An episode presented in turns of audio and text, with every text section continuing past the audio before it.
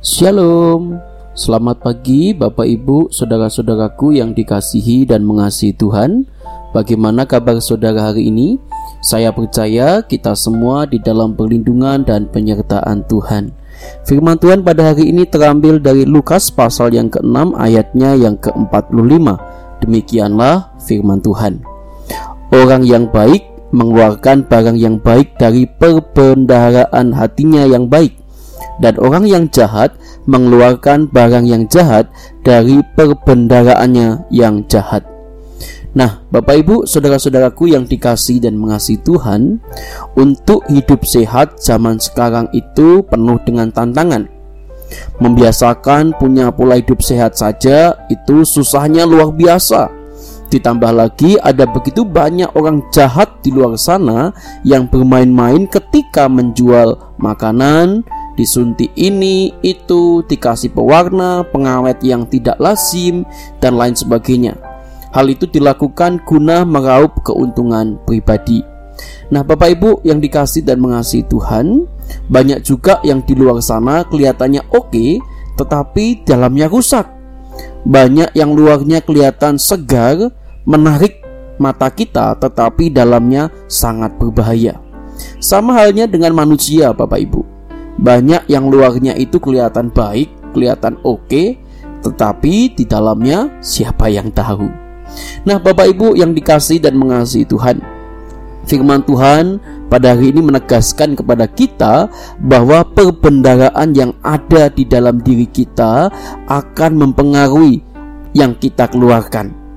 Apa yang kita keluarkan adalah cerminan diri kita yang terdalam, Bapak Ibu.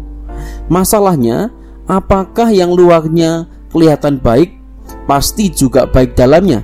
Hmm, belum tentu ya. Ada banyak orang yang jago berpura-pura, jago bersandiwara. Namun sesungguhnya kebaikan akan teruji dengan waktu maupun situasi dan kondisi yang kita jumpai. Dalam hal ini kebaikan yang dimaksud bukan sekedar yang terlihat baik Bapak Ibu melainkan perbuatan yang terjadi secara alami, berguna membawa sukacita menjadi berkat bagi sesama. Dan di saat yang bersamaan, ia senantiasa memuliakan Allah. Itulah kebaikan. Kebaikan semacam itu hanya bisa dihasilkan dari hati yang penuh kasih, baik terhadap Tuhan maupun terhadap sesama. Nah, Bapak Ibu yang dikasih dan mengasihi Tuhan, saya mengundang setiap kita menjadikan pengenalan akan Tuhan sebagai modal utama bagi kita untuk memproses diri kita agar luar dalam kita itu oke. Oke karena tidak ada kepalsuan di dalamnya. Konsisten dan utuh. Kalau kita sok-sok baik, kita sebetulnya lagi menipu siapa sih? Selain diri sendiri ya menipu Tuhan. Kiranya Bapak Saudara menjalani hari-hari kita dengan hidup otentik di hadapan Tuhan. Tuhan Yesus memberkati saudara. Mari kita berdoa. Tuhan terima kasih untuk sapaan pagi hari ini yang boleh mengingatkan kami supaya kami menjadi manusia, menjadi orang percaya yang sungguh-sungguh baik di dalam maupun di luar. Kami serahkan ya Tuhan, biarlah firman-Mu yang kami dengar hari ini, biarlah menjadi kema dalam kehidupan kami.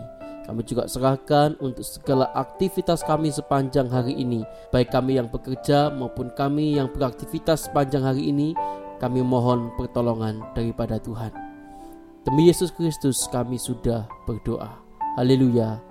Amin. Selamat pagi Bapak Ibu. Tuhan Yesus memberkati kita.